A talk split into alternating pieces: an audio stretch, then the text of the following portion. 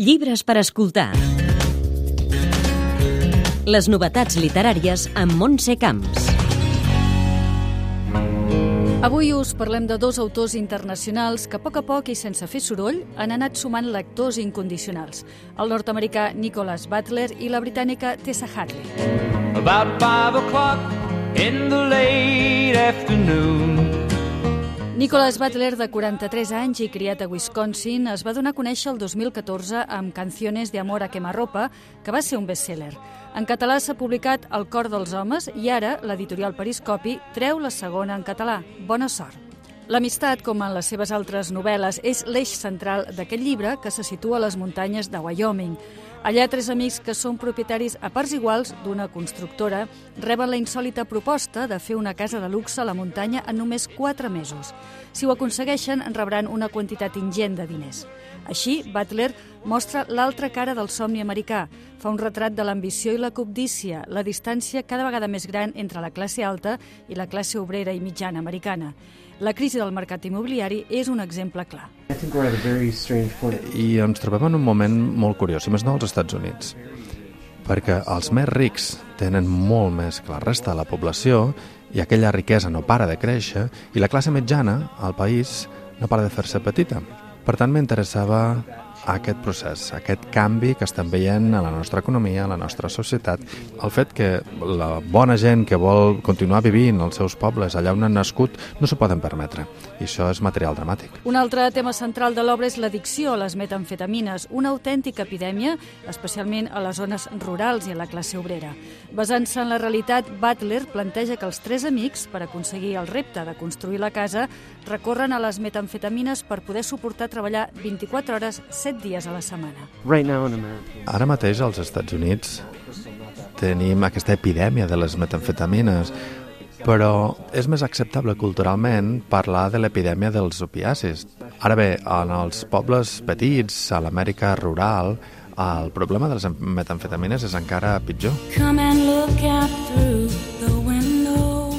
Butler va voler que Bona Sort fos un thriller amb un ritme trepidant que va portant els protagonistes cap a un camí sense sortida ple de violència.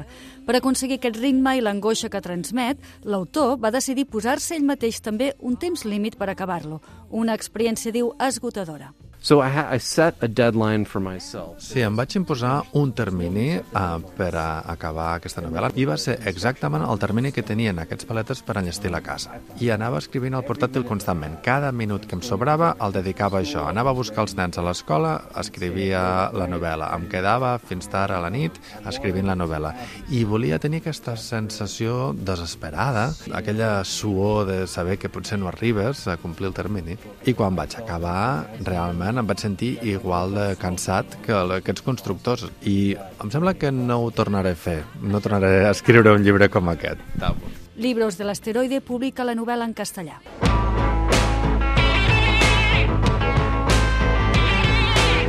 L'escriptora britànica Tessa Hadley retrata la ruptura cultural al Regne Unit dels anys 60 a Amor lliure.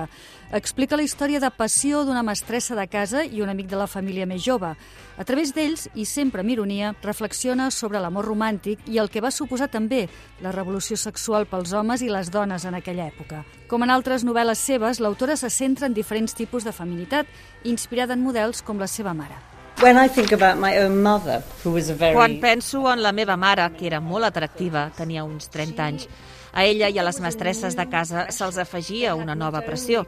No només havien de ser bones esposes, preparar el menjar, cuidar els nens, sinó que s'havien de mostrar sexis. Això té la seva part divertida, si vols, però afegeix una pressió. Havien d'estar atractives per al marit. Hadley, de 64 anys, va publicar la seva primera novel·la quan en tenia 46, després que moltes editorials rebutgessin els seus originals. Ara s'ha convertit en una autora de culte amb llibres com Cap al Tar, que han teixit una obra molt personal centrada en les relacions familiars. Amor lliure l'acaba de publicar edicions de 1984 en català i Sexto Piso en castellà.